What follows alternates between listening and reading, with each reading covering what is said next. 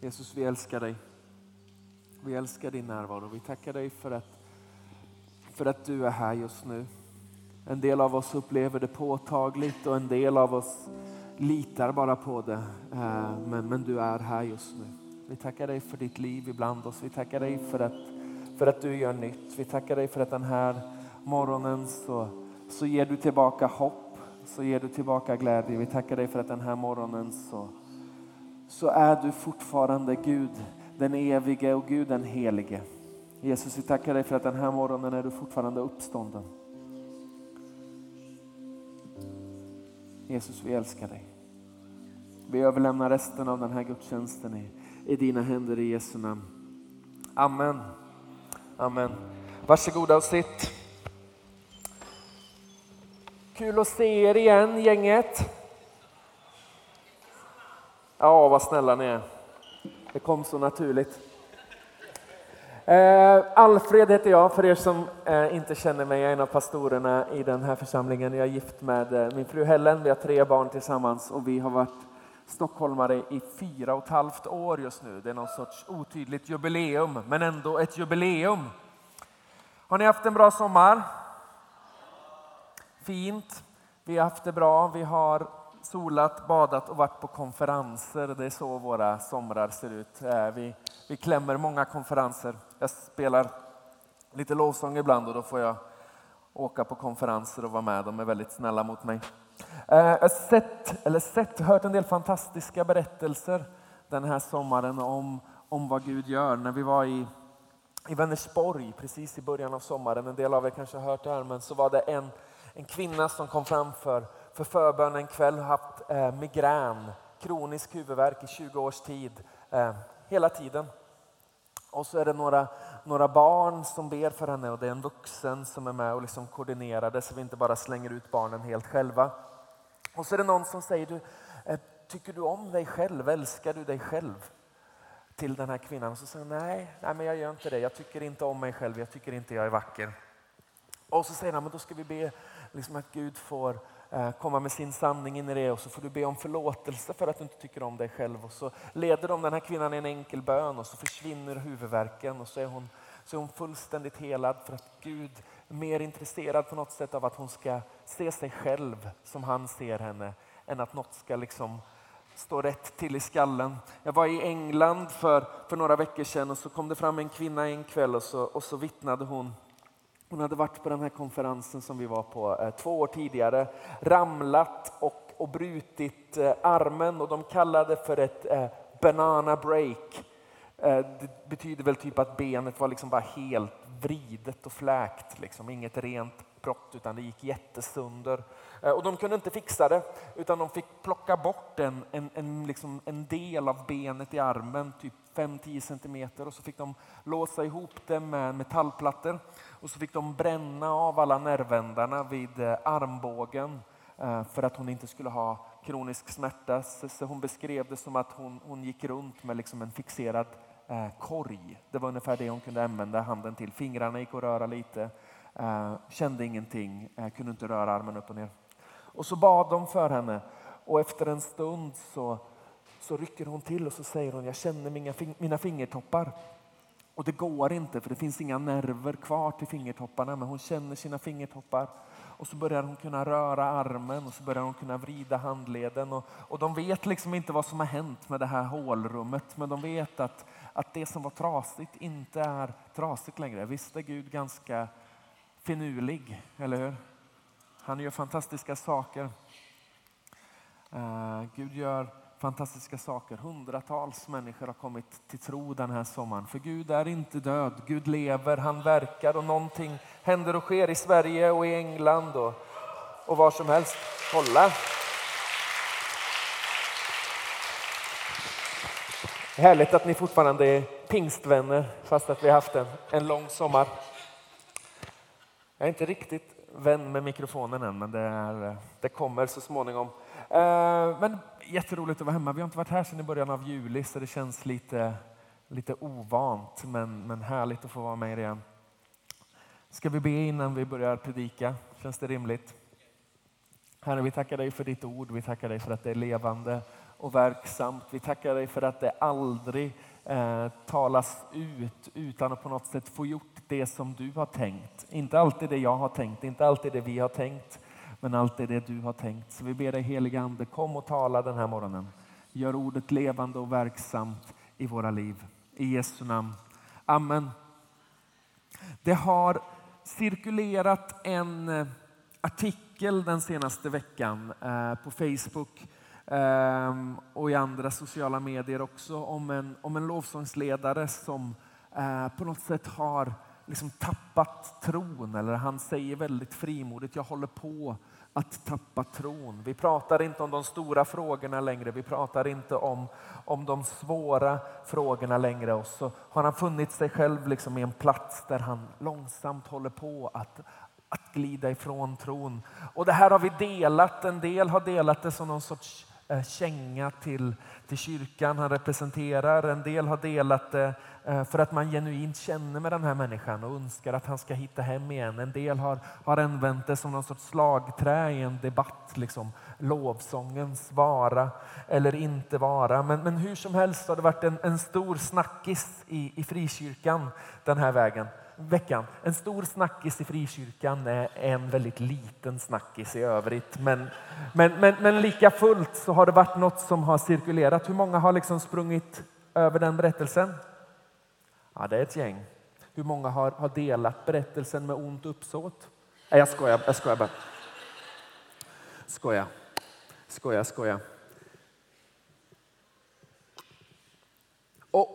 Och, och, tycka och tänka vad man vill, men, men, men, han sätter fingret på en del grejer och han lyfter en del saker som, som ändå är liksom relevanta. Och, och det är ett längre samtal som förs i olika rum. Uh, men, men jag tänker att det liksom sätter fingret på någonting och det är vår tids benägenhet att vara styrd av känslan. Att vi lever för och av känslan och att vi vänder ryggen från saker när det inte känns rätt längre. När inte känslan bär, när inte känslan mättar, inte ger grund, inte tröstar och inte styrker. Och jag tänker att det här är, är liksom en sån där grej som vi vänder tillbaka till ibland och som vi samtalar om ibland. För vi, vi har en längtan i det här huset att vara en lovsjungande församling. Lovsång eh, är ju tätt förknippat med musik och musik är tätt förknippat med, med känslor. Det, det, gör någonting med oss. Vi spelar musik när vi är glada, vi lyssnar på musik när vi är, är ledsna. Väldigt ofta har vi en tendens att välja sånger som förstärker det sinnestillstånd vi är i snarare än att vända det. Men det är ett annat samtal. Vi grottar ner oss i någon sorglig liksom, kärlekslåt om vi känner oss olyckligt kära och sådär. Eh, men vi vill vara en lovsjungande församling som lyckas att vara det, som förblir att vara det när, när känslorna är på topp, när allt känns fantastiskt. Men också i de stunder när, när livet inte är så kul, när livet inte känns så toppen. Vi vill vara en lovsjungande och tillbedjande församling. Vi vill att det vi gör genomsyras av en hängiven, högljudd, frimodig och firande lovsång. Av en intim, innerlig förundran och vördansfull tillbedjan. Men, men vi vill inte det för att gudstjänsterna ska se ut på ett visst sätt. Inte för att vi tycker att en viss stil av kyrka liksom är grejen eller för att nu för tiden är det modernt att sjunga lovsång som om det var något som uppfanns i samma stund som man stoppar in en mikrofon i en akustisk gitarr. Lovsången har funnits längre än akustiska gitarrer, visste ni det? Det är helt så mindblowing för en del av er och tänker så här, va? Fanns det någonting innan Lennart Hall? Om ni inte fattar den referensen så gör det ingenting. Vår fulla övertygelse är att lovsången inte är ett tillval utan ett gensvar. Och jag tänkte idag att jag skulle vilja liksom ge er fyra stycken så här krokar och hänga upp er tillbedjan på. Fyra stycken sanningar om varför vi tillber som jag tror håller när vi är på toppen och när vi är i dalen. För det som har en tendens att hända det är att vi, vi liksom får fatt i uttrycket tillbedjan, men vi får inte alltid fatt i sanningen om vem vi tillber. Och så börjar livet bli lite svajigt och lite skakigt. Och så orkar vi inte ge oss hän åt känslan och så blir lovsången kritiserad för att vara känslostyrd eller ytlig och det kanske den är ibland men det är inte vad den är tänkt att vara. Så där någonstans tänker jag att vi ska röra oss idag. Känns det okej? Okay? Det är det enda utkastet jag har med mig upp så att jag kör det ändå. Trots er något ljumma respons. Jag skojar med er lite, jag tycker att jag får göra det. Så idag skulle jag vilja ge dig ett par anledningar till att lovsjunga och tillbe. Ett par anledningar som förhoppningsvis slår an något i dina känslor, som förhoppningsvis väcker något i ditt hjärta, som kanske får själen att börja nynna lite försiktigt, men som är goda anledningar att tillbe även om du idag och varje dag inte känner ett smack grundpelare som gör att vi förblir tillbedjande oavsett vad som händer runt omkring oss. Sången förändras, ibland är den firande, ibland suckande, ibland jublande, ibland klagande. Men den tystnar inte, för den är rotad i sanningen om vem vi tillhör och tillber. Okej, okay, är ni med? Mitt första påstående, vi tillber för att Gud är helig. Jag har ingen powerpoint idag, jag har gett upp om de här skärmarna. Men det det finns väl hopp för det också. Vi tillber för att Gud är helig. Jesaja 6 och 3 säger så här. Och den ena ropade till den andra, helig, helig, helig är Herren Sebaot. Hela jorden är full av hans härlighet. Helig är ett ord som, som används framförallt i Gamla Testamentet och som betyder eh, separat, helt annorlunda, eh, av en annan sort. Okej? Okay? Helig är inte som dig och mig, det är någonting, någonting annat. Och, och de här liksom killarna som ropar helig, helig, helig i den här texten, det är någonting som kallas för serafer. Och det finns liksom vanliga knegaränglar tydligen. Och så finns det serafer, det är, liksom, det är lite vassare änglar. De har väl gjort någonting för att på något sätt ta sig upp ett snäpp. Så det här är, är liksom varelser som inte är som dig och mig. De är annorlunda, de är utanför och ovanför och deras gensvar på när de ser Gud är helig, helig, helig. Eh, jätte, jätte, jätte annorlunda. Helt och hållet separat, inte alls som dig och mig. Det finns något sorts märkligt mysterium i det här att vi är skapade till Guds avbild men ändå är vi inte i närheten. Vi är inte ens av samma sort. Gud är helt annorlunda. Och så läser vi från andra Mosebok 15 och vers 11 och så står det Vem är som du bland gudarna Herre? Vem är som du? Härlig i helighet, värdig fruktan och lovsång. Du som gör under. Så textens författare verkar göra någon sorts sammanlänkning mellan förståelsen av att Gud är helt annorlunda. Han är fullständigt över. Han är av en annan sort. Inte alls som dig och mig. Och på grund av att han är som han är så är han värd vår tillbedjan. Hänger ni med på den tanken? Så tillbedjan i den här texten är inte liksom eh, initierad av känslan utan av insikten om att Gud är helt annorlunda. Han är, han är helig på grund av hans annorlundahet. Jag vet inte om det är ett ord, men det blev ett ord precis.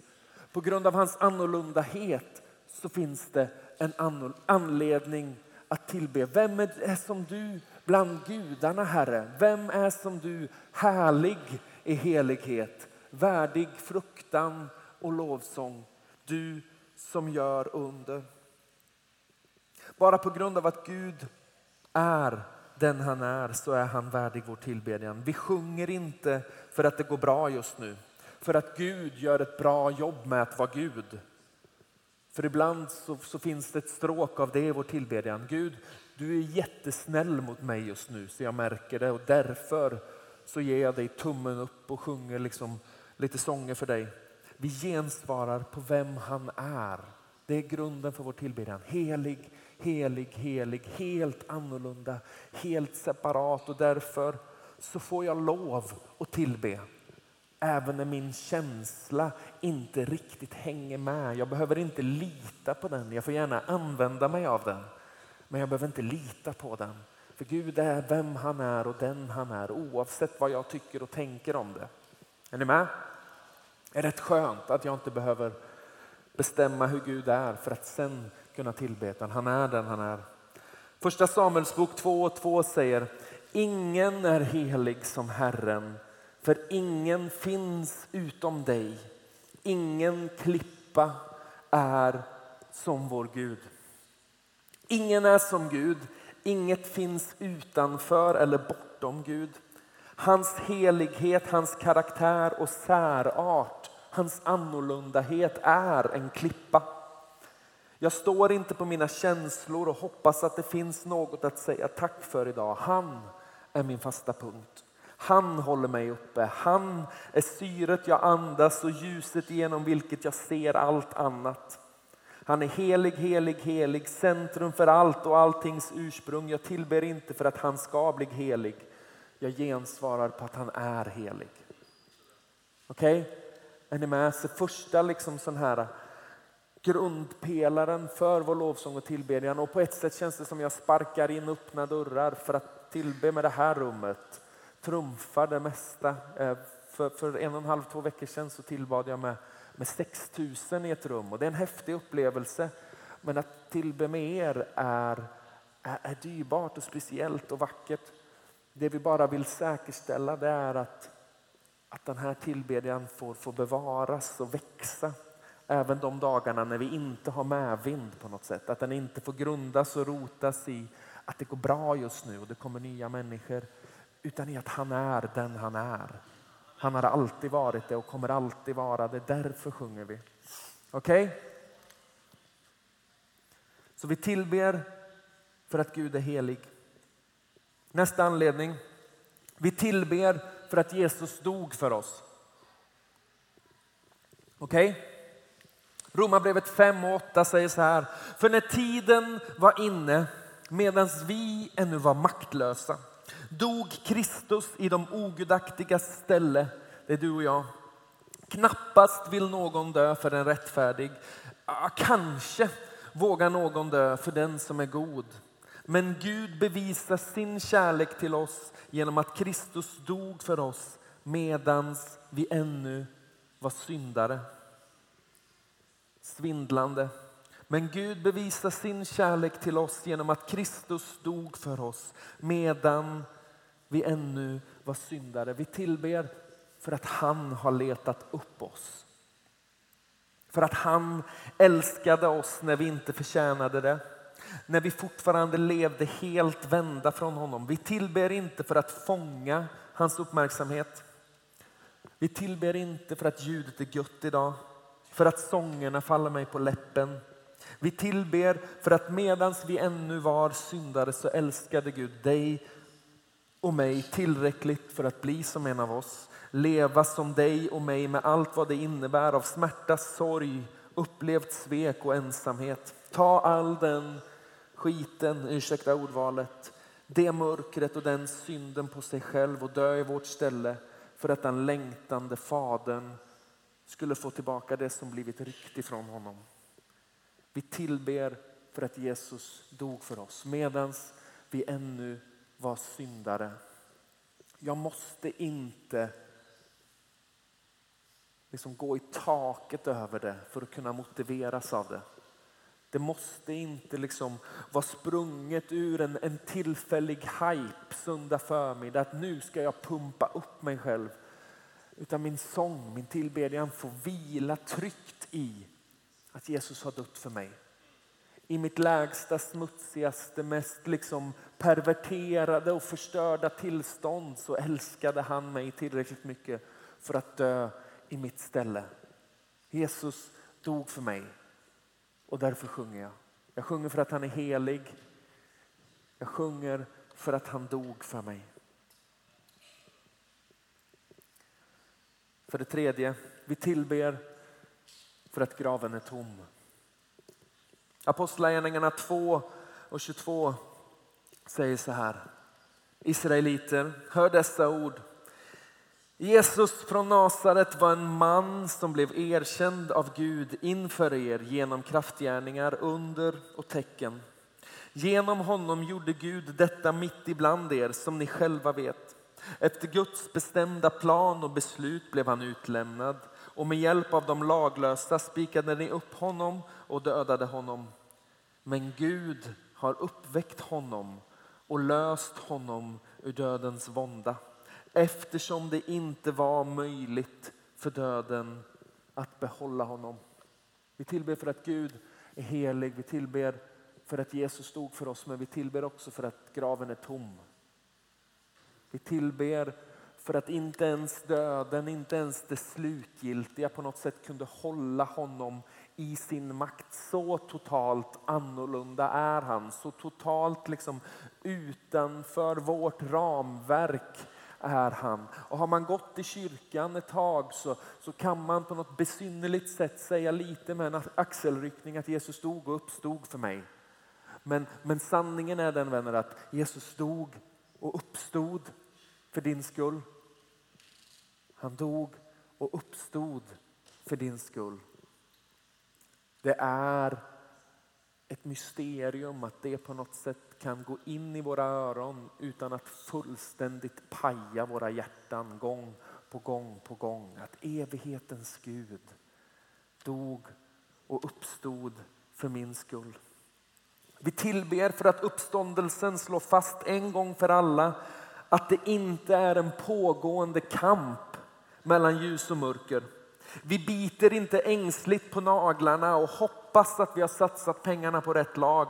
Vi ber inte bönor och sjunger inte sånger för att på något sätt heja fram vårt lag till seger. Det är inte det vi sysslar med. Vi sjunger för att vi firar den seger som redan vunnits. Därför firar vi gudstjänst för att i en stadig rytm vecka ut och vecka in kalibrera våra hjärtan så att sanningen om vem han är och vad han har gjort blir den klarast ljudande tonen i vårt bröst så att allt som händer och sker i våra liv påminns om att matchen redan är över. Jesus segrade, livet vann. Vi tillber för att graven är tom. Vi tillber en uppstånden kung. Vi tillber för att Gud är helig, för att han är helt annorlunda. Han är inte som dig och mig. Därför kan vi tillbe. Vi tillber för att Jesus stod för våran skull. All synd som skilde oss åt tog han på sig. Inte för att vi först hade varit duktiga utan för att han alltid är god. Vi tillber för att han är uppstånden, för att segern redan är vunnen. Det känns inte alltid så, men det är alltid så. Orkar ni med mig? För det fjärde, vi tillber för att han en dag ska komma tillbaka. Apostlagärningarna 1 från vers 6. När de nu var samlade frågade de honom, Herre, är tiden nu inne då du ska återupprätta riket Israel? Han svarade dem, det är inte er sak att veta vilka tider eller stunder som Fadern i sin makt har bestämt. Men när den heliga ande kommer över er ska ni få kraft att bli mina vittnen i Jerusalem, i hela Judeen och Samarien och ända till jordens yttersta gräns. När han hade sagt detta såg, han hur, såg de hur han lyftes upp och ett moln tog honom ur deras åsyn. Medan de såg mot himlen dit han steg upp stod plötsligt två män i vita kläder hos dem. De sa Galileer, varför står ni och stirrar mot himlen? Det är en väldigt märklig fråga. Han flög iväg precis och de står och tittar. Det känns rimligt, men tydligen inte. Denne Jesus som togs upp från er till himlen han ska komma tillbaka på samma sätt som ni såg honom stiga upp till himlen. Vi väntar på att han ska komma igen. Om du är ny i kyrkan så, så liksom någonstans så blev det krångligt redan vid att de här människorna verkar tydligen tro att någon dog och uppstod igen. Där någonstans så kände man att de är lite konstiga, lite märkliga, lite världsfrånvända. Och sen så säger vi att vi tror att han kommer tillbaka igen sen också. Och, och ni får bara liksom lita på det just nu och slappna av i det. Det är vad Bibeln säger i alla fall. Du behöver inte köpa det än, men det är liksom, man, man vänjer sig. Man vänjer sig. Jesus kommer tillbaka. Segern är vunnen, matchen är över, vi vet vilket lag som vann. Men, men någonstans så, så, lever skapelsen fortfarande i ett trasigt tillstånd, ett brustet tillstånd. Vi märker det varje dag, vi ser det på nyheterna varje dag. Att, att allt är liksom inte top notch, allt är inte som vi önskar att det var. Teologerna kallar det för redan nu men ännu inte. Allt är färdigt men den fulla effekten har liksom inte eh, slått igenom än. Men när han kommer tillbaka så ska han liksom skapa en ny himmel och en ny, en ny jord. Och våran lovsång är att välja trotsigt mitt i en trasig skapelse ägna oss åt himlens aktivitet. Vi tillber för att trotsigt hålla fast vid hoppet och luftet som han har gett oss. Jag kommer tillbaka. I väntan på att Jesus kommer så är vår tillbedjan profeterande om att vi tillhör ett annat rike. Vi har en annan kung. Vi väntar sjungandes. Vi tillber i förundran över vem han är, tacksamhet över vad han gjort och förväntan på vad vi en dag ska få se. Och någonstans när vi börjar tugga på de här stora liksom, orden, de här stora sanningarna, de här stora liksom, bibliska puckarna så inser vi att det finns alltid en anledning att tillbe. Det finns alltid en anledning att, att kasta sig på honom, att ge sig själv helt och hållet till honom. Lovsång är ingen musikstil som vi har ganska stora debatter om i kristna tidningar då och då för att det säljer lösnummer och vänder generationer mot varandra. Det är inte det vi sysslar med. Vi sysslar med att säga Jesus, ingen är som du. Jesus, du är, du är kung, du är helig, du är upphöjd överallt och, och det som en gång skilde oss åt finns inte längre på grund av vad du redan har gjort för oss. Och en dag så ska du kliva rakt in i det här trasiga och göra någonting vackert av det. Det är det som vi, som vi på något sätt håller fast vid och som vi vilar i när vi tillber. Vi sjunger inte för att få utan för att han redan har gjort. Och därför så tänker jag att det alltid finns en anledning att låta en sång på något sätt stiga över ens läppar. Den är inte alltid munter, för livet gör ont. Men den stiger alltid, för han är alltid god. Han är alltid helig, han är alltid värdig och jag är alltid i behov av mer av honom i mitt liv. Så om du har varit här länge så skulle jag på något sätt bara vilja säga att bra jobbat. Det här är fantastiskt, det här är vackert, men det finns mer.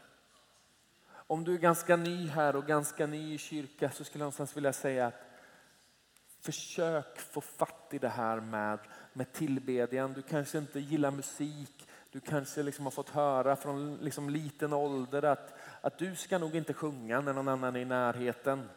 Uh, och, och, och, jag kan säga till dig att du kanske aldrig kommer få en mikrofon och sjunga så att andra liksom hör dig genom högtalarna. Men, men få fatt i det här med att tillbe, för någonstans så, så behöver vi det. Vi behöver vara ett folk som, som lär oss att trotsigt och högljutt sjunga när solen skiner och, och när regnet på något sätt viner. Vi behöver vara ett folk som, som, som får fatt ännu mer om att vara tillbedjare på grund av, av vem han är. That's it.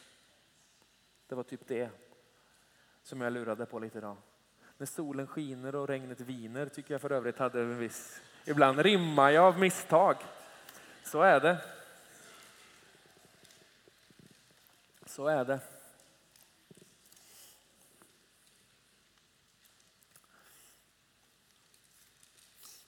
Vi står tillsammans.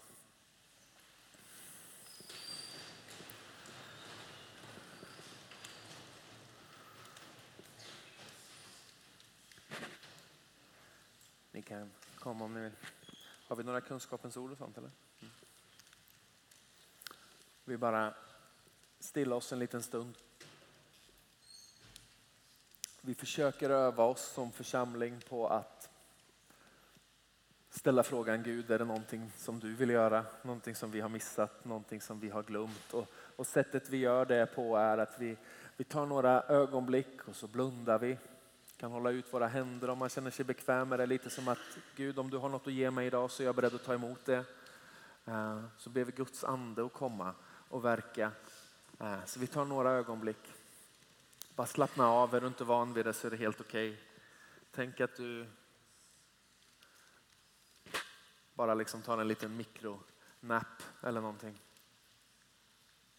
Helige Ande, vi, vi välkomnar dig.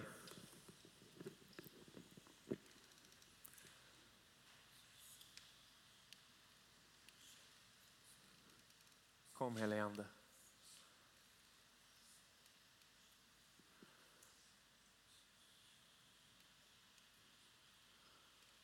Kom helige Ande.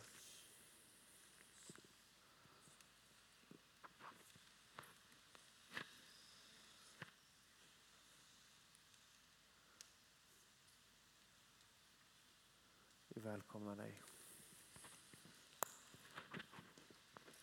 Kom Herre. Kom.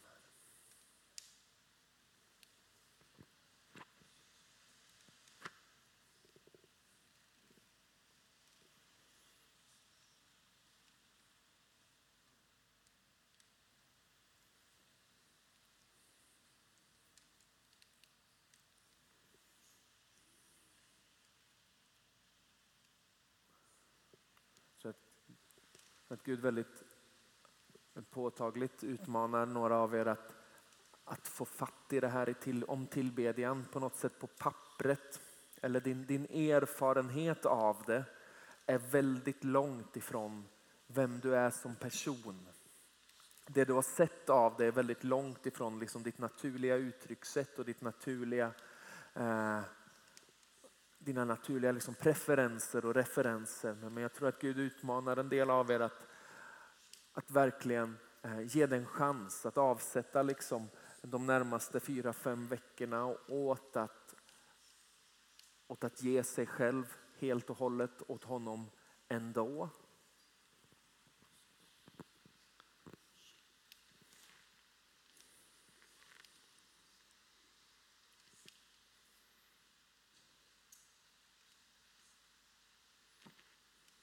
Kom helige Ande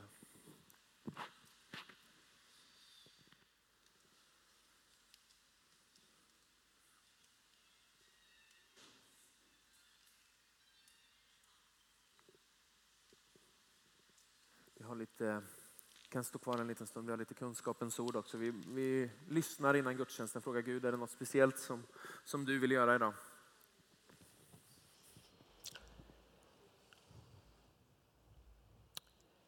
Det finns någon här som eh, behöver höra det här. Låt inte ditt förflutna plåga dig, utan låt Herren välsigna din framtid. Det finns någon som har problem med ögonen. Någon som känner oro för sina barn. Någon som plågas av trötthet och kraftlöshet. Någon som har ont i hjärtat. Så om du gensvarar på något av det här skulle vi jättegärna vilja be för dig. Om du är här och och är sjuk så skulle vi jättegärna vilja be för dig. Om du är här och, och undrar om det här med Gud är på riktigt så skulle vi jättegärna bara vilja lägga händerna på dig, be för dig och se vad som händer. Ge dig en chans. Om du är här och känner jag vill ta emot Jesus så skulle vi jättegärna vilja be för dig. Om du bara vill att någon välsignar dig inför den termin som kommer, inför liksom den nya säsong som börjar, så vill vi jättegärna be för dig. Vi tar en liten stund nu, typ tio minuter, en kvart, så tillber vi tillsammans. Vi söker Gud tillsammans. Vi, vi är i hans närvaro tillsammans. Jesus, vi tackar dig för att du är den du är oavsett var jag är. Vi tackar dig för att du är den du är oavsett vad jag tycker och tänker att du är. Och den här stunden så, så ber vi att du skulle på något sätt ge oss gåvan att än mer få bli en, en tillbedjande gemenskap. Jag ber för dem som, som inte liksom tycker att det här är höjdpunkten av söndagen. Som tycker att när vi sjunger är ju värdelöst. Herre, vi ber att du skulle möta dem med din godhet. Att du skulle drabba dem med, med din helighet. Att du på något sätt skulle måla bilden av vem du är.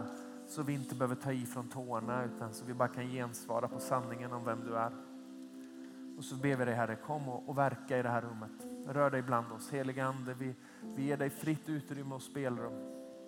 I Jesu namn. Amen. Vi tar en stund och så tillber vi tillsammans. Förbönsplatserna är öppna. Är det ingen som börjar be för dig med en gång så kom ändå fram. Ta emot Gud verkar. Det är inte magi när någon lägger handen på dig. Det är bara en, en kompis som säger jag stöttar dig. Det börjar inte när handen läggs på dig. Det börjar när